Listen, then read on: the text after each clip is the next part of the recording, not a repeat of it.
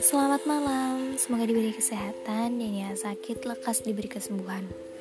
Serta hari ini, esok, dan seterusnya, jangan lupa bahagia. Meski masalah sebesar apa pun, kamu harus yakin kamu dapat melewatinya. Dan bahkan kamu bisa menertawakan dengan bangga suatu saat nanti kalau kamu mampu melewatinya.